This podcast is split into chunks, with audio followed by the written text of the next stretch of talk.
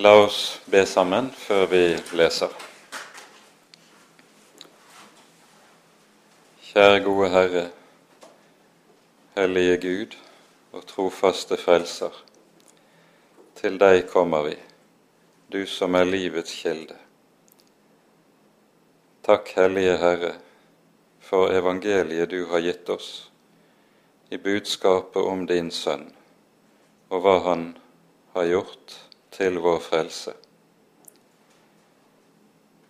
Herre, Herre, nå ber vi at du vil komme og være midt imellom oss, at du vil sende din Hellige Ånd, slik at vi kan forstå ordet ditt rett, og ordet kan få gjøre den gjerning du sender det til i våre liv og i våre hjerter. Amen.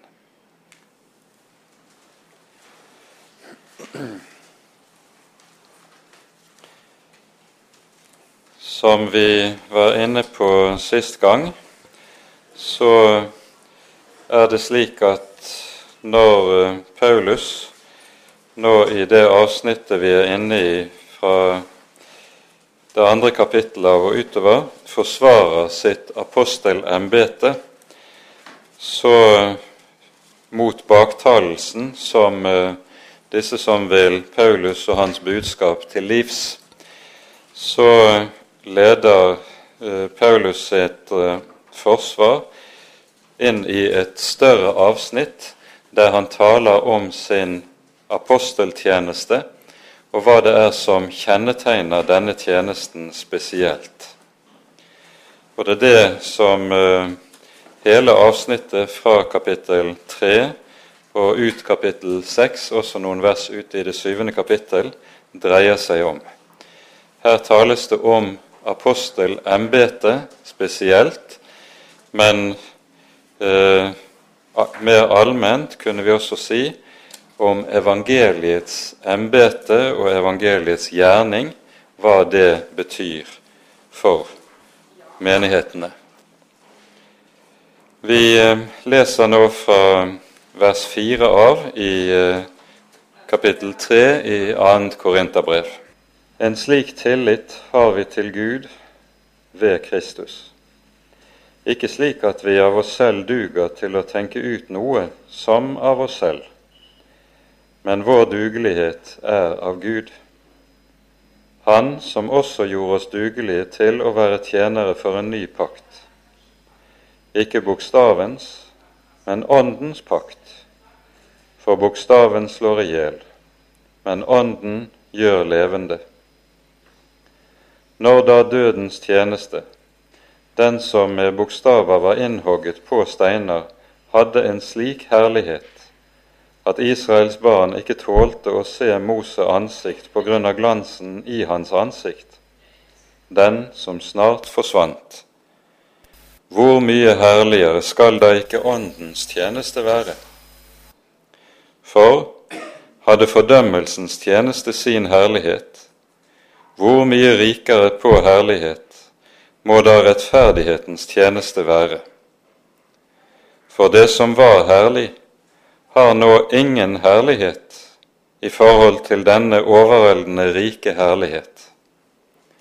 For når det som svinner, var herlig, da må det som varer ved, være langt mer herlig. Da vi altså har et slikt håp, går vi frem med stor frimodighet. Vi gjør ikke som Moses, som la et dekke over ansiktet for at Israels barn ikke skulle se slutten på det som svant. Men deres sinn er blitt forherdet, for helt til denne dag blir det samme dekket liggende når de leser den gamle pakt, og det blir ikke tatt bort, for det er bare i Kristus det blir fjernet. Helt til denne dag ligger et dekke over deres hjerte når Moses blir lest. Men når de omvender seg til Herren, blir dekket tatt bort. Men Herren er Ånden, og der Herrens ånd er, der er frihet. Men vi, som med utildekket ansikt ser Herrens herlighet, som i et speil. Vi blir alle forvandlet til det samme bildet, fra herlighet til herlighet, som av Herrens ånd. Amen. De tre første versene som vi har lest, vers fire til seks, utgjør overgangen mellom det foregående avsnittet og det som kommer, der Paulus fra vers 7 av til vers 18 av taler om den grunnleggende forskjell på loven og på evangeliet. Dette er jo et hovedtema som ellers behandles både i Romerbrevet og Galaterbrevet særlig. Og her men i dette avsnittet har vi en behandling der Paulus viser seg som en skriftlærd, og som bruker og anvender tekstene i ganske særlig annen Mosebok på en måte som eh, ikke en rabbiner ikke ville følt seg veldig fremmed i forhold til. Avsnittet vi har lest, begynner med at Paulus taler om en slik tillit har vi til Gud. Og her er eh, det i grunnteksten slik at selve ordet 'slik' i den gamle bibeloversettelsen sto det 'sådan'. Det er fremhevet.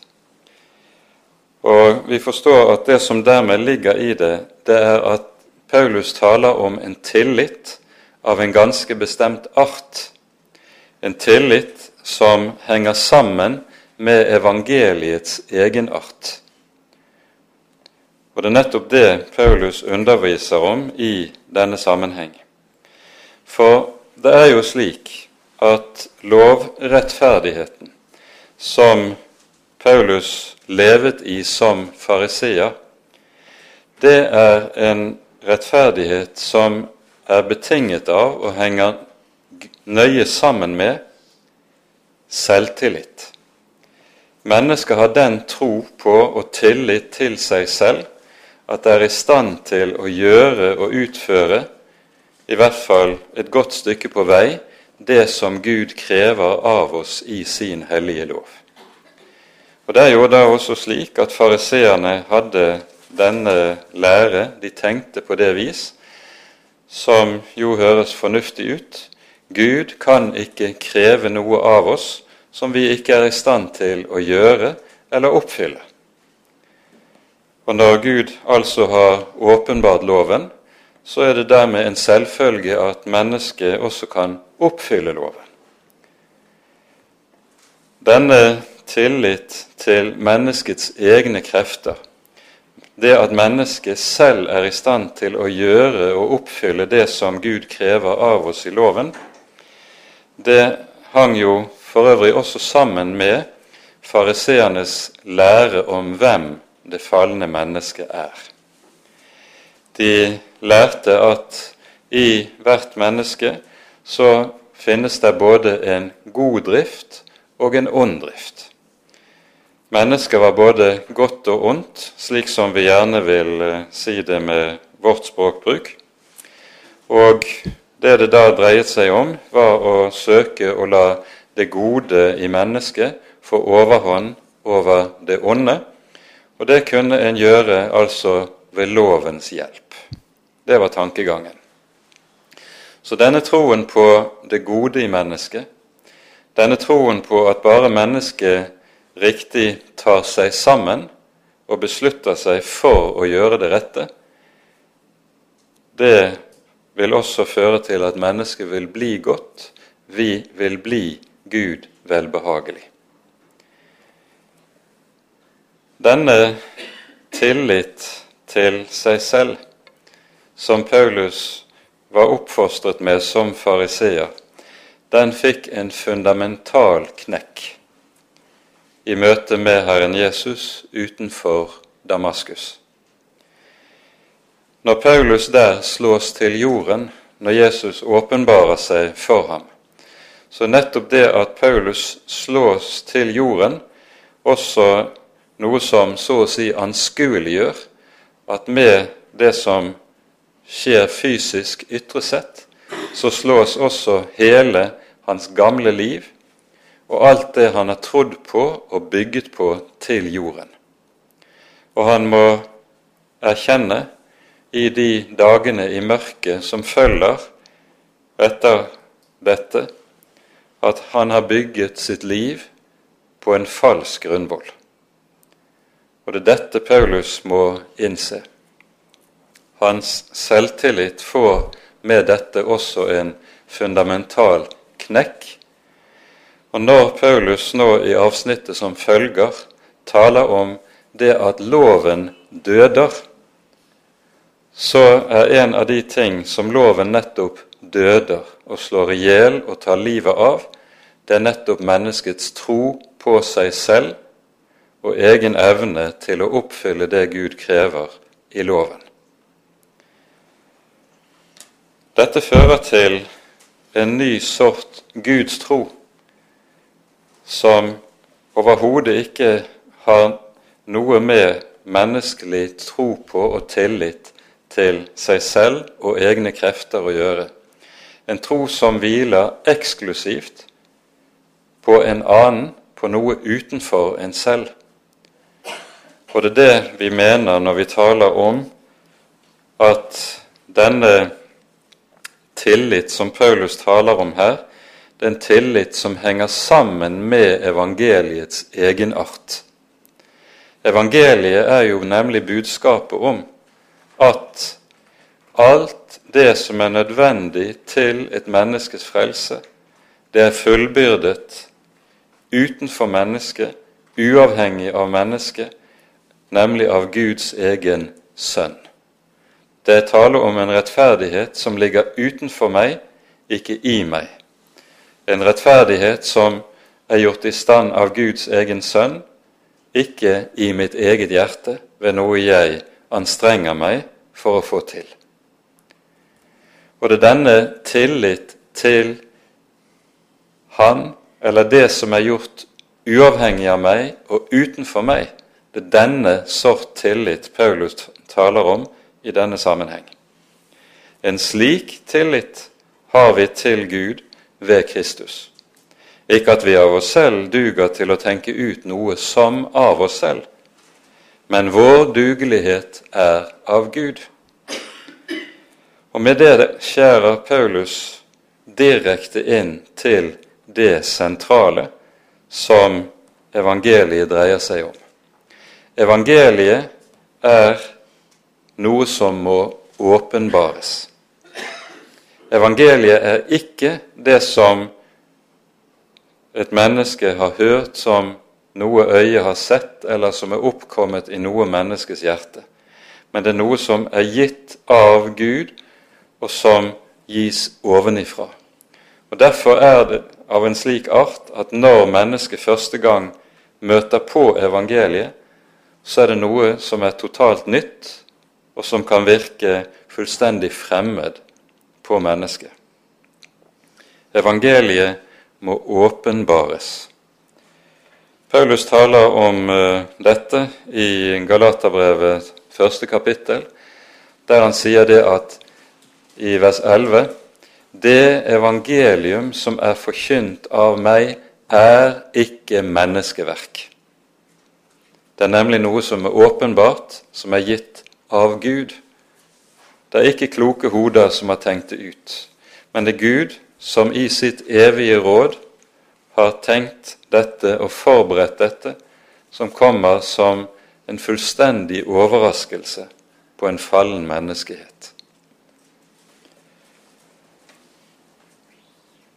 Ikke slik at vi av oss selv duger til å tenke ut noe som av oss selv, men vår dugelighet er av Gud. Når Jesus i samtalen med Nikodemus sier, etter først å ha talt om nødvendigheten av den nye fødsel, så begrunner denne tale med å si det som er født av kjødet, er kjød. Det som er født av Ånden, er ånd.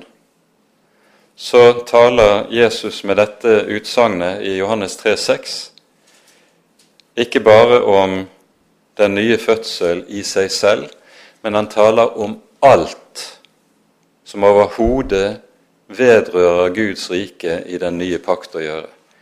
Alt i Guds rike er født av Gud og er født ovenfra. Og det som ikke er født ovenfra, og ikke er av Gud, men som er noe som mennesker har fått til og fått i stand, det er menneskeverk og er noe som i seg selv derfor er fremmedelementer i Guds rike. Og Dette er så avgjørende å være oppmerksom på at vi meget lett uh, vi har meget lett for å overse det, fordi vi har denne nesten uutryddelige trang til å bygge på noe i oss selv, som er en del av det som kjennetegner fallet og det falne mennesket. Vi vil ha det i oss selv. Men her sier altså Paulus noe ganske annet. Dette her går igjen i en rekke ulike sammenhenger gjennom hele Den hellige skrift. Hos Jeremia møter vi saken i det 17. kapittel. Jeg tror vi tar oss tid til å lese denne teksten. Jeremia 17, fra vers 5 til og med vers 8. Eller kanskje vi skal si til og med vers 9. Så sier Herren, forbannet er den mann som setter sin lit til mennesker, og som holder kjød for sin arm, som vender sitt hjerte fra Herren. Han er som en busk i ødemarken og får ikke se at det kommer noe godt, men skal bo på avsvidde steder i ørkenen, i et saltland der ingen bor. Velsignet er den mann som stoler på Herren og lar Herren være sin tillit. Han skal bli lik et tre som er plantet ved vann og skyter røttene ut ved en bekk. Det frykter ikke når heten kommer, alltid har det grønne blad. Det sørger ikke i tørre år og holder ikke opp med å bære frukt. Svikefullt er hjertet, mer enn noe annet. Ubotelig sykt er det. Hvem kjenner det? Og Når det altså er slik at vi i vers 5-8 møter denne, at det settes frem for oss denne grunnleggende forskjell på det som er menneskeverk, det som er Guds verk, det som er tillit til mennesket selv, den bibelske uttrykk for dette det er å holde kjød for sin arm. Altså man har sin styrke i det som en selv kan gjøre og være. I motsetning til å stole på Herren.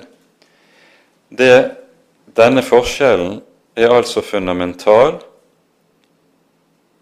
og når vi hører i vers 9 sannheten om det falne mennesket holdes frem for oss, svikefullt er hjertet så er det dette som er årsaken til at det som er menneskeverk, ikke duger i Guds rike. Det som er født av kjød, er kjød. Og Det gjelder både i alt som skal gjøres i Guds rike sammenheng, og det gjelder alt som skal tales og forkynnes i Guds rike sammenheng. Derfor er det også slik at vi i den 87. salmen hører Eh, det er en salme som taler om den nye fødsel, eller gjenfødelsen. Hvorledes i Messias rike så skal alle folkeslag ha fødselsrett i Jerusalems by. Og så sies det i det siste verset om disse som er født av Gud. De sier 'Alle mine kilder er i deg'.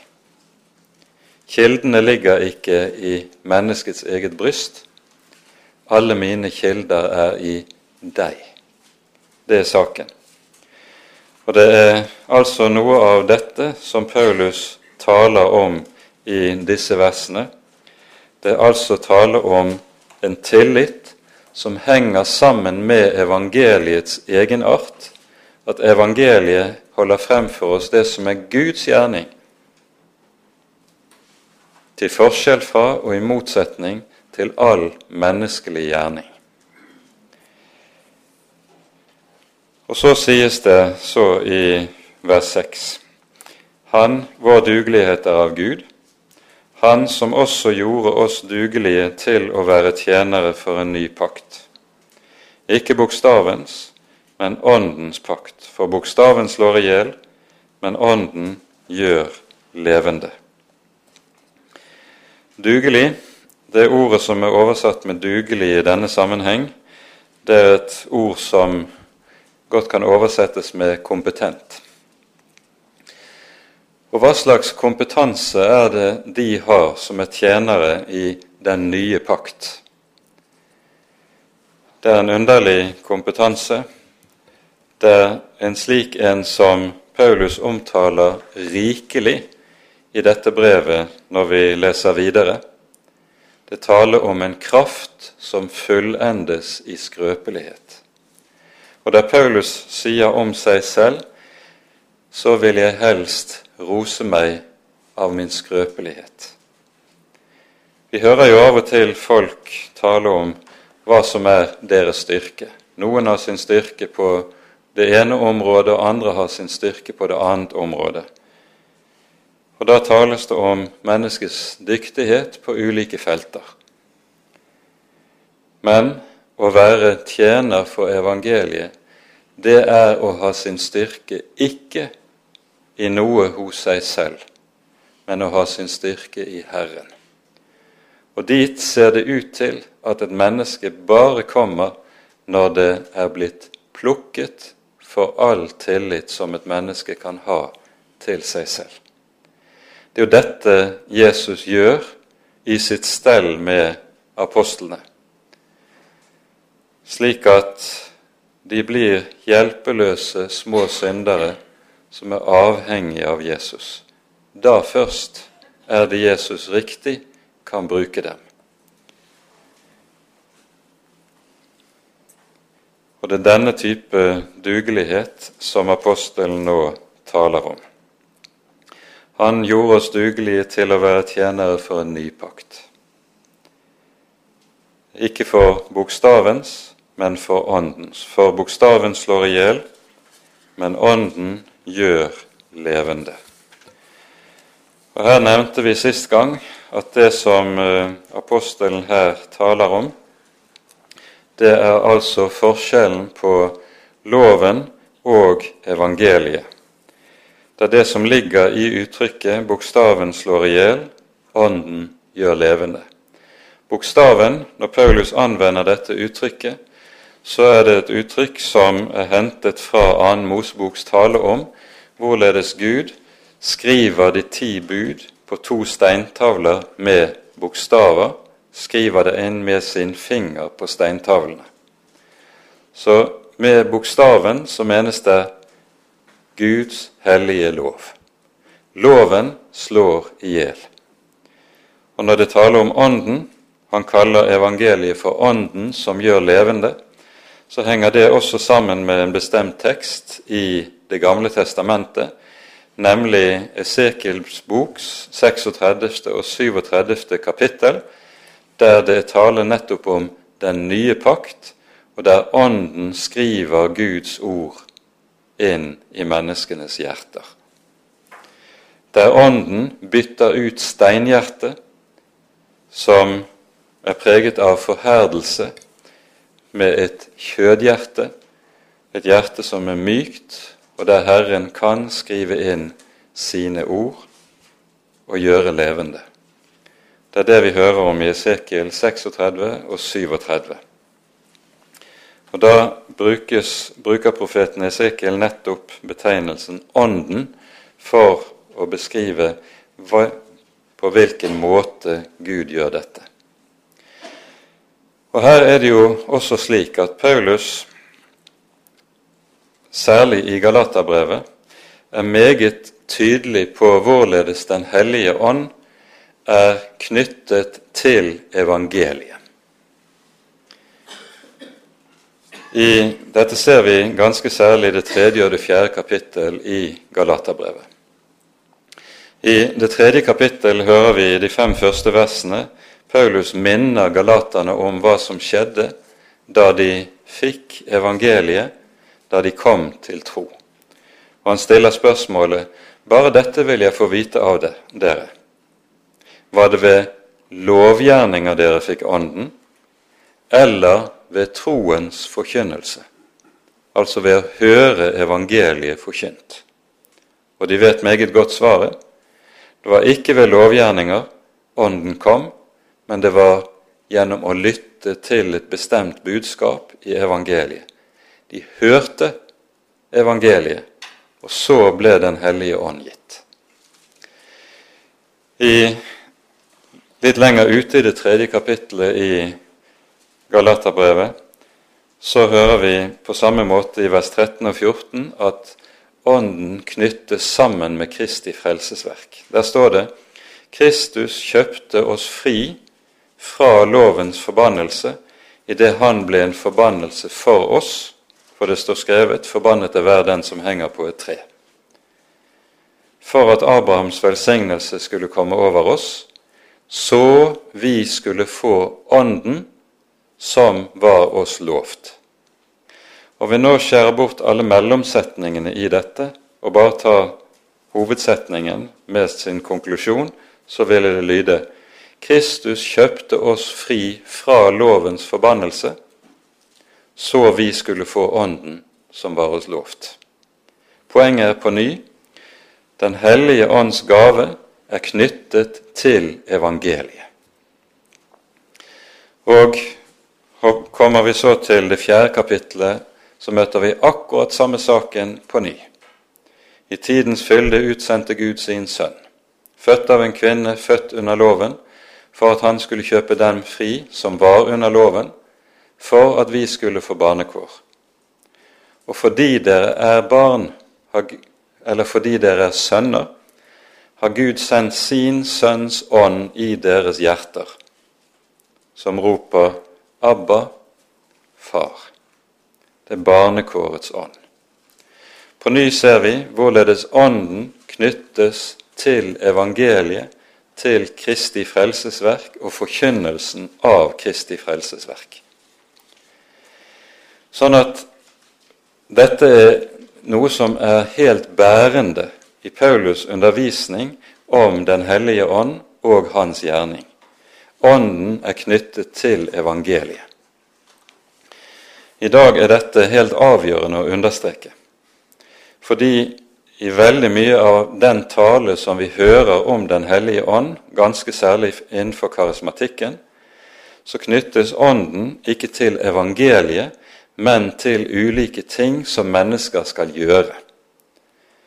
Derfor, i den grad man f.eks. taler om Åndens gaver, så er det gaver som handler om hva som skal gjøres. Men det tales ikke om Ånden slik som vi hører i Galaterbrevet, at Ånden er barnekårets ånd, som frir oss fra trelldommen under loven. Det hører vi fint lite om i slike sammenhenger. Så blir talen om Ånden derfor noe som leder et menneske helt galt av sted. Dette er sagt som en parentes, men det er uhyre avgjørende å være oppmerksom på i dagens åndsklima, hvor det er uendelig mye forvirring, ikke minst i talen om Den hellige ånd. Paulus taler altså her i kapittel 3 i 2. Korinterbrev om Ånden som ensbetydende med forkynnelsen av evangeliet. Og poenget er da altså at Gud ved disse to ord gjør to ulike gjerninger i menneskenes liv og i menneskenes hjerter.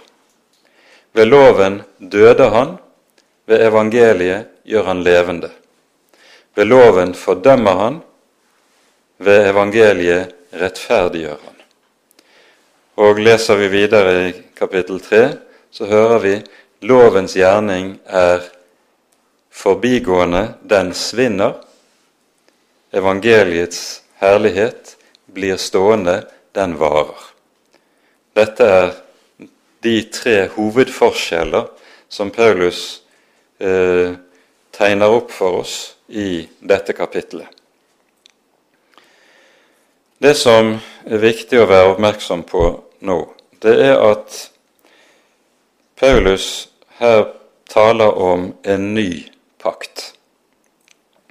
Og ordet 'ny', som anvendes av apostelen, der er det jo slik, dette har vi vel vært inne på tidligere, tror jeg, at både i gresk og hebraisk språk finner vi to ulike ord som begge oversettes med 'ny' i vårt språk. Det ene ordet betegner noe som er nytt i tid. Det andre ordet betegner noe som er nytt i kvalitet, altså noe som er kvalitativt nytt, kvalitativt annerledes enn det som var før. Og når Paulus altså taler om den nye pakt, så anvender han det begrepet for ny som betyr noe som er kvalitativt nytt og kvalitativt annerledes, nemlig enn den gamle pakt, en lovens pakt fra Sinai. Den samme forskjellen på to ulike begreper finner vi også i hebraisk. Og når Paulus bruker uttrykket 'en ny pakt', så er jo dette noe som er hentet fra Jeremia-bokens 31. kapittel. Det er slik i, hos profeten Jeremia i noen kapitler fra kapittel 30 til 33, der det tales om den frelsens tid som skal komme etter dommens tid. Guds folk, Jerusalem og Juda, står overfor tunge dommer. Men så har Herren lovet å sende forløsningens tid etter dette, og da er det altså at budskapet om den nye pakt gis hos Jeremia i kapittel 31. Vi tar oss tid til å lese disse versene i Jeremia 31, fra vers 31 til 34.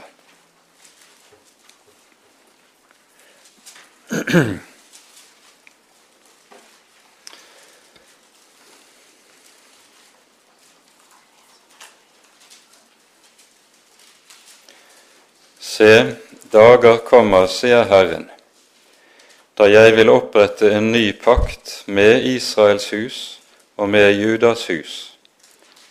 Den skal ikke være som den pakten jeg opprettet med deres fedre på den dag da jeg tok dem ved hånden og førte dem ut av landet Egypt, den pakten med meg som de brøt, enda jeg var deres ektemann, sier Herren.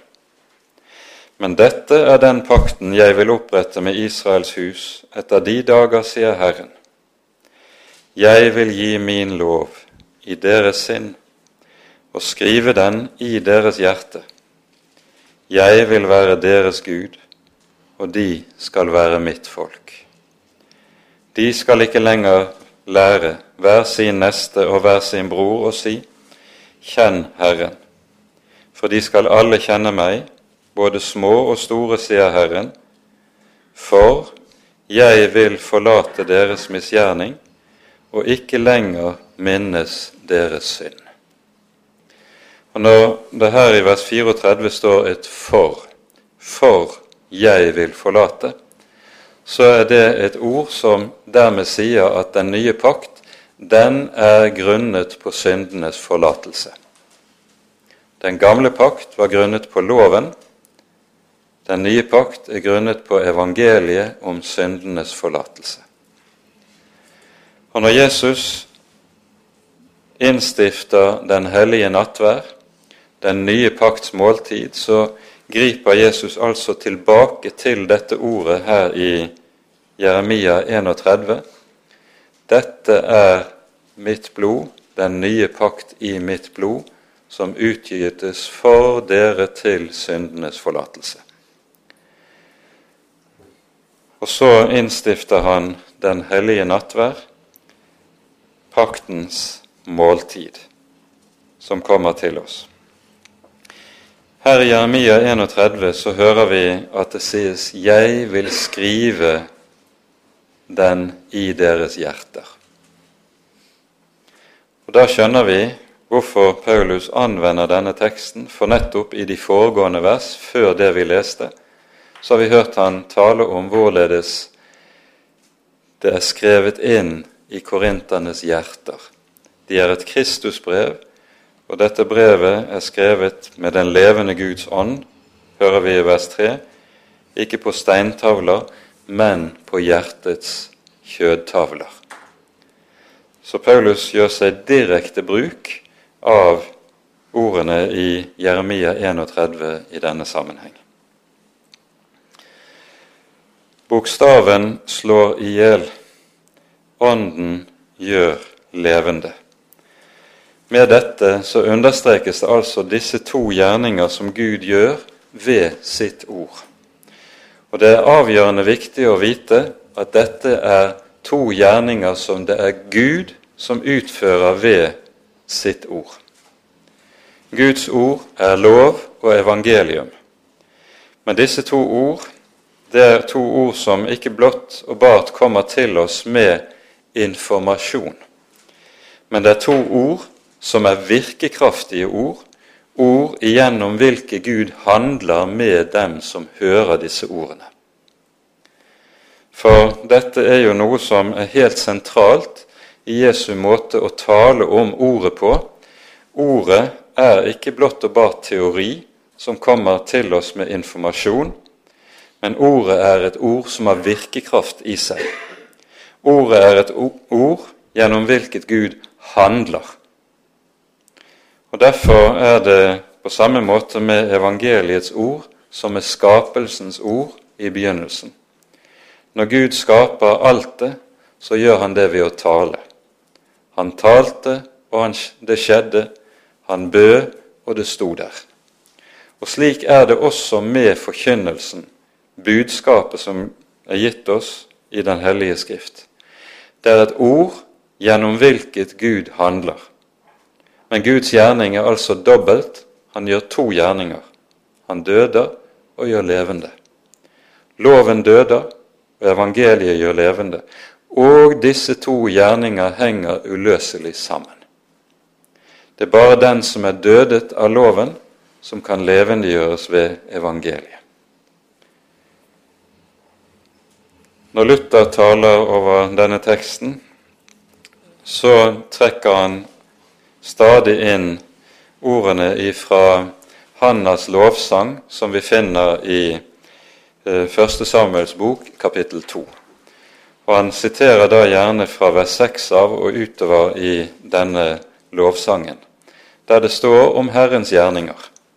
Herren døder og gjør levende fører ned i dødsriket og opp derifra. Herren gjør fattig og gjør rik. Han nedbøyer og han opphøyer. Dette er de to gjerninger som Gud stadig gjør ved sitt ord, i lov og i evangelium. Og begge ord er nødvendig, begge ord må stadig lyde i den kristne forkynnelsen. For dersom bare den ene av de lyder, så vil forkynnelsen alltid komme til å bli skjev og komme til å villede mennesker. Bokstaven slår i hjel, men ånden gjør levende. Paulus bruker samme uttrykket som vi her møter i, eh, i eh, 2. Korinterbrev 3 i Romerbrevets syvende kapittel. Og Her står det slik i um, vers 6.: Nå er vi løst fra loven, ettersom vi er døde fra det vi var fanget under, slik at vi tjener i Åndens nye vesen, ikke i bokstavens gamle vesen. Vi hører han anvender samme uttrykk. Og Denne forskjellen på ånd og bokstav møter vi også igjen i kapittel 2 i Romerbrevet, der eh, han sier følgende om hva som er den sanne omskjærelse, som ikke er den omskjærelse som skjer i det ytre. Det sies omskjærelsen er hjertets omskjærelse i ånden, ikke i bokstaven. En slik har sin ros, ikke av mennesker, men av Gud. Poenget med denne lovens dødende gjerning, det er at det å dø for lovens hånd det er betingelsen for å kunne bære frukt for Gud. Jeg er ved loven død for loven for å leve for Gud, skriver Paulus i Galatane 2, 19. Og samme sak møter vi igjen også i Romerbrevets syvende kapittel, der Paulus skriver følgende i vers 4. Mine brødre, slik døde også dere fra loven ved Kristi legeme, for at dere skal tilhøre en annen, han som ble reist opp fra de døde, så vi kan bære frukt for Gud. Poenget er denne lovens dødende gjerning. Jeg dør for loven, jeg dør fra loven, jeg frigjøres fra loven, og denne frihet fra loven, det er betingelsen for å bære frukt for Gud. Og Her er det du finner kanskje en av de aller mest avgjørende forskjeller på fariseisme og kristendom. Fariseeren ser loven som det som er det nødvendige for å bære frukt for Gud. Kristen tro forkynner det er evangeliet som gir og skaper frukt for Gud. Loven krever hellighet, men den kan ikke gi det. Det kan bare evangeliet. Og det er det det dreier seg om i denne sammenheng. Og Derfor ordlegger altså Paulus seg slik som vi hører det i Romane 7. Jeg er død fra loven for å bære frukt for Gud. Og Derfor er forkynnelsen i evangeliet en livsnødvendighet med tanke på at vintreet Herrens vintre skal bære den frukten som Jesus taler om. Bli i meg, så bærer dere megen frukt, sier Jesus. Han sier ikke 'bli i Moses', 'bli i loven', så bærer dere megen frukt. Men han sier 'bli i meg'. Og med det er det altså tale om evangeliet. Resten av kapittelet her i 2. Korinterbrev 3, det er en utleggelse av et bestemt avsnitt i 2. Moseboks 34. kapittel. Vi leser fra vers 7 først. Når da dødens tjeneste, den som med bokstaver var innhogget på stein, hadde en slik herlighet at Israels barn ikke tålte å se Moses ansikt på grunn av glansen i hans ansikt, den som svant. Hvor meget herligere skal da ikke Åndens tjeneste være? Her sies det tydelig og klart både loven og evangeliet er noe som er gitt av Gud, og som derfor er bærer av guddommelig herlighet. Loven bærer i seg den guddommelige herlighet, Evangeliet gjør det også. Men evangeliets herlighet er langt, langt større og rikere enn lovens herlighet. Det er det Paulus taler om i denne sammenheng. Det vi hører her i vers 7, Israel tålte ikke å se Moses ansikt på grunn av glansen i hans ansikt. Så vender han tilbake til dette i vers 13 til 16. Vi gjør ikke som Moses og lar et dekke over ansiktet for at Israels barn ikke skulle se slutten på det som svant. Og i vers 15.: Helt til denne dag ligger et dekke over deres hjerte når Moses leses. Og Da må vi ta oss tid til å lese fra Andre Mosebok, kapittel 34.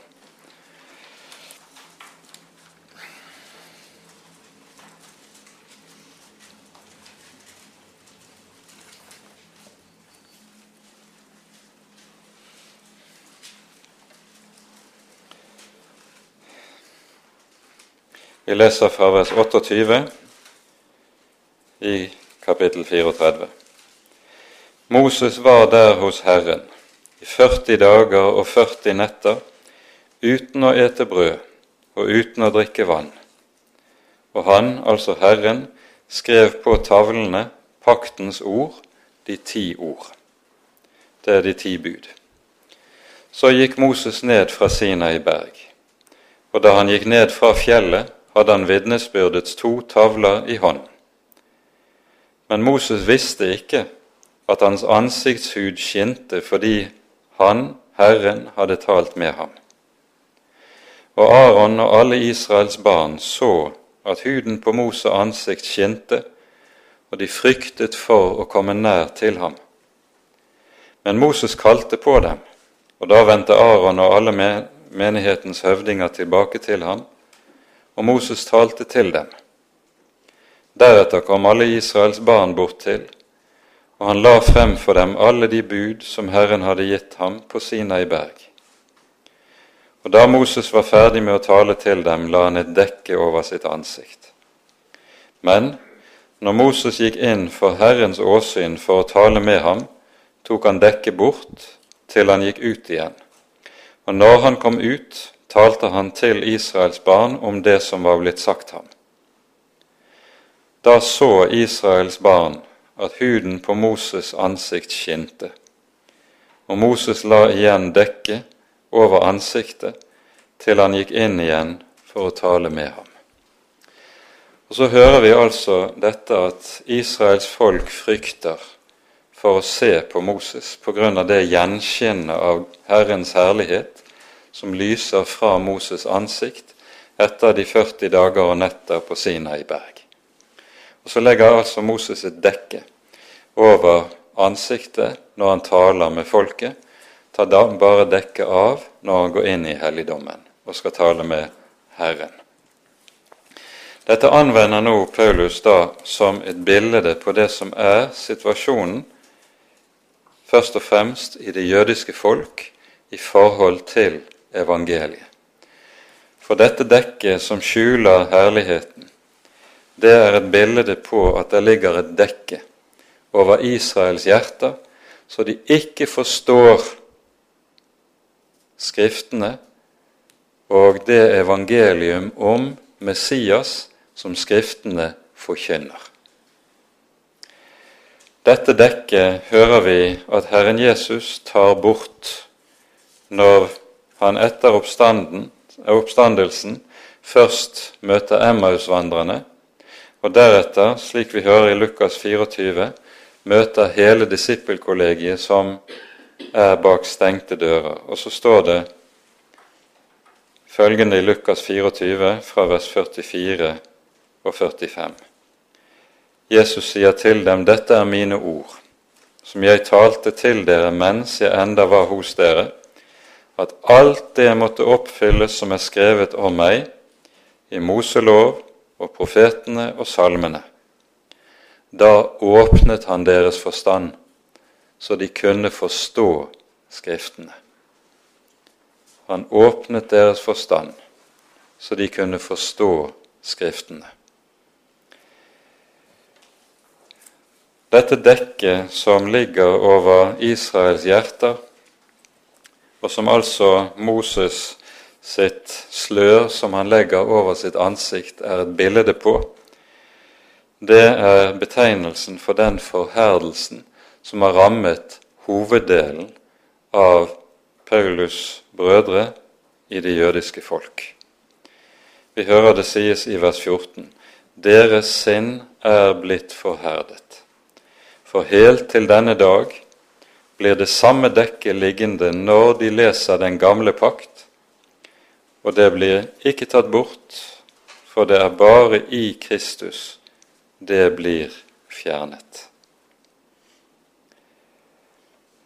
Og så er det altså samme sak Paulus også behandler i Romerbrevet fra kapittel 9 til 11, der han behandler dette spørsmålet om Israels forherdelse.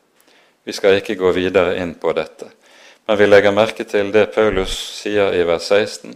når de omvender seg til Herren, blir dekket tatt bort. Da opplot han deres øyne, så de kunne forstå Skriftene. Det er det som skjer der evangeliet får komme til, og Jesu gjerning som vår frelser begynner å lyse for et menneske. De to siste versene som kommer til oss i dette kapitlet, er sentrale ord om evangeliet. Først hører vi det sies men Herren er Ånden, og der Herrens ånd er, der er frihet. Navnet Herren, slik vi møter det i Det nye testamentet, det brukes gjennomgående på vår Herre Jesus. Det er Han som er Herren. Og når apostelen skriver slik som han her gjør, og rett og slett kaller Jesus bare for Herren, så sier han med dette det som jo er det sentrale i Nytestamentets forkynnelse om Kristi person. Han er Det gamle testamentets Gud, som er kommet i kjød og blitt menneske. Jesus er Herren, som taler, det talende jeg, det talende subjekt i Det gamle testamentet. Men Herren er Ånden. Evangeliet, det er ett med Jesus. På en slik måte at der evangeliet kommer til oss, der vi hører evangeliet, der møter vi også Jesus selv, den levende Guds sønn.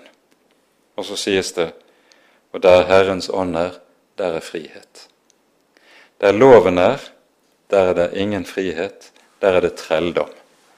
Derfor kalles, setter Paulus også opp i Romerbrevet i det åttende kapittel forskjellen på det han kaller for trelldommens ånd og barnekårets ånd.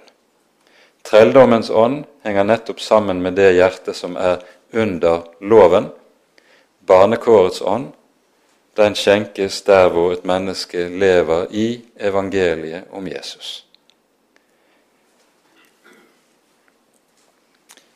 Og så hører vi det siste verset i kapittelet, som taler om hvilken fylde av herlighet evangeliet bærer med seg.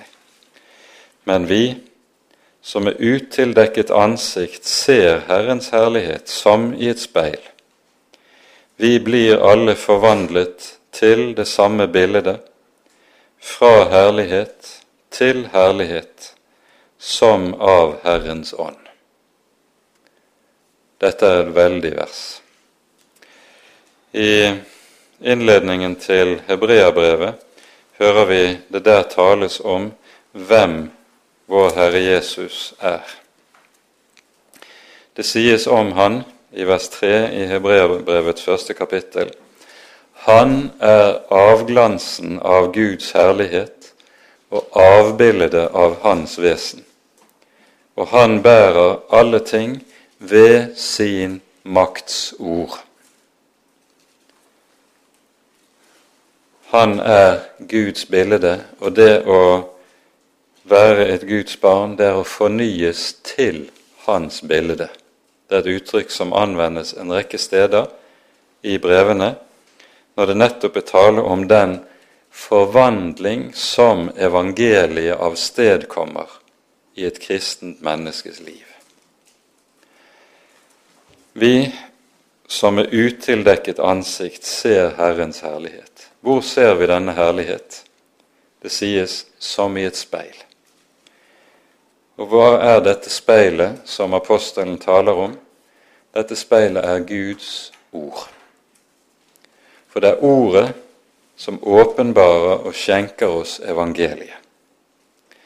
Og om dette ord gjelder nøyaktig det samme som vi hører det sies om eh, profeten Samuel etter at han er kalt av Herren, slik som vi hører det i første Samuels bok, i det tredje kapittel.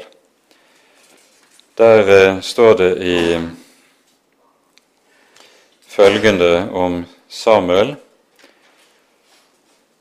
Samuel vokste opp, og Herren var med ham og lot ikke noen av alle sine ord falle til jorden. Da skjønte hele Israel fra Dan til Bersheva at Samuel var betrodd å være profet for Herren.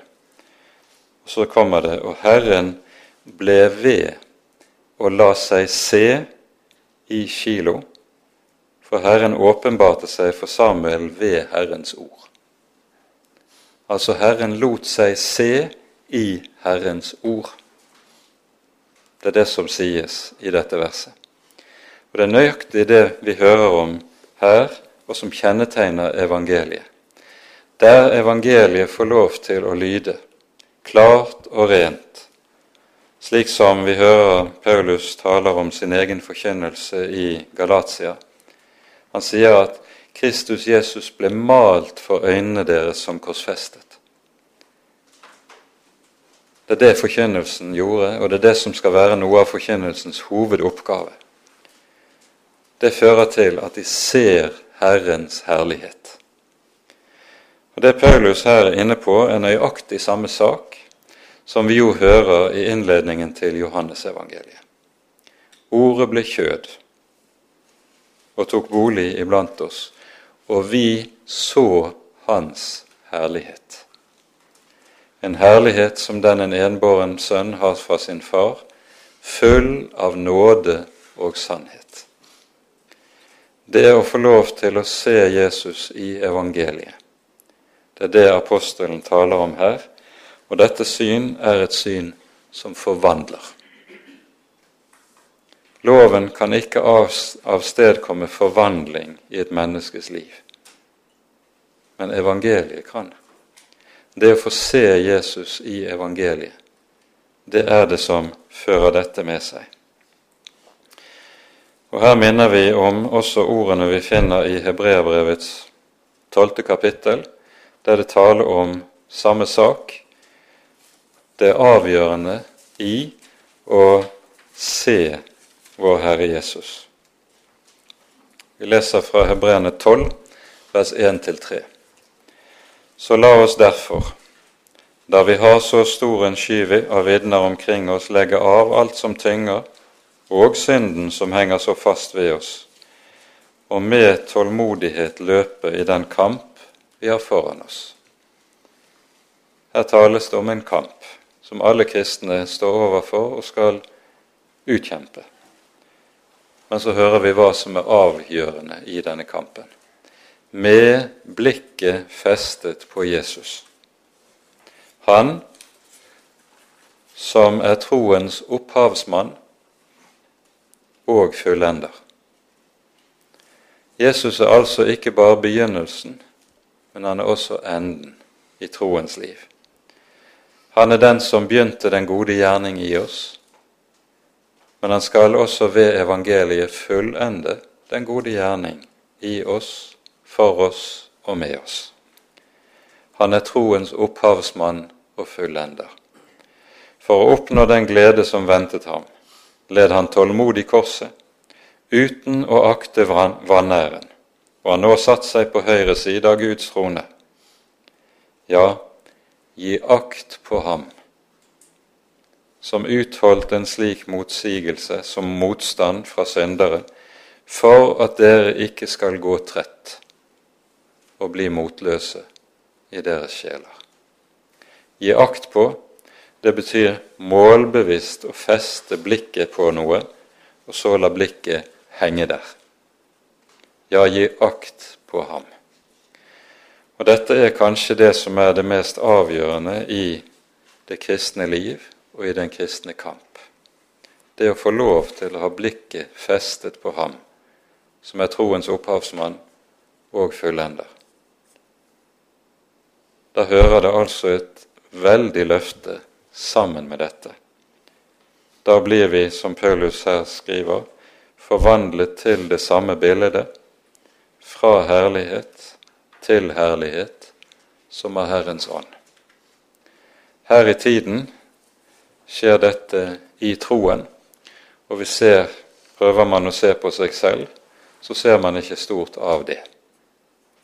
Men det fullendes i evigheten Og det er det Johannes taler om i sitt første brev, når han sier følgende.: Dere elskede, nå er vi Guds barn.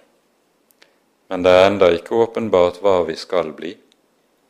Men vi vet at når Han åpenbares, da skal vi bli ham like, for vi skal se ham som han er. Det er det syn som forvandler alt. Og det er det kristne håp. Og det er dette evangeliet taler om. Loven døder. Den ødelegger ethvert håp. Evangeliet gir håp til de håpløse. Derfor er det livgivende. Ære være Faderen og Sønnen og Den hellige ånd, som var og er og være skal en sann Gud, høylovet i evighet. Amen.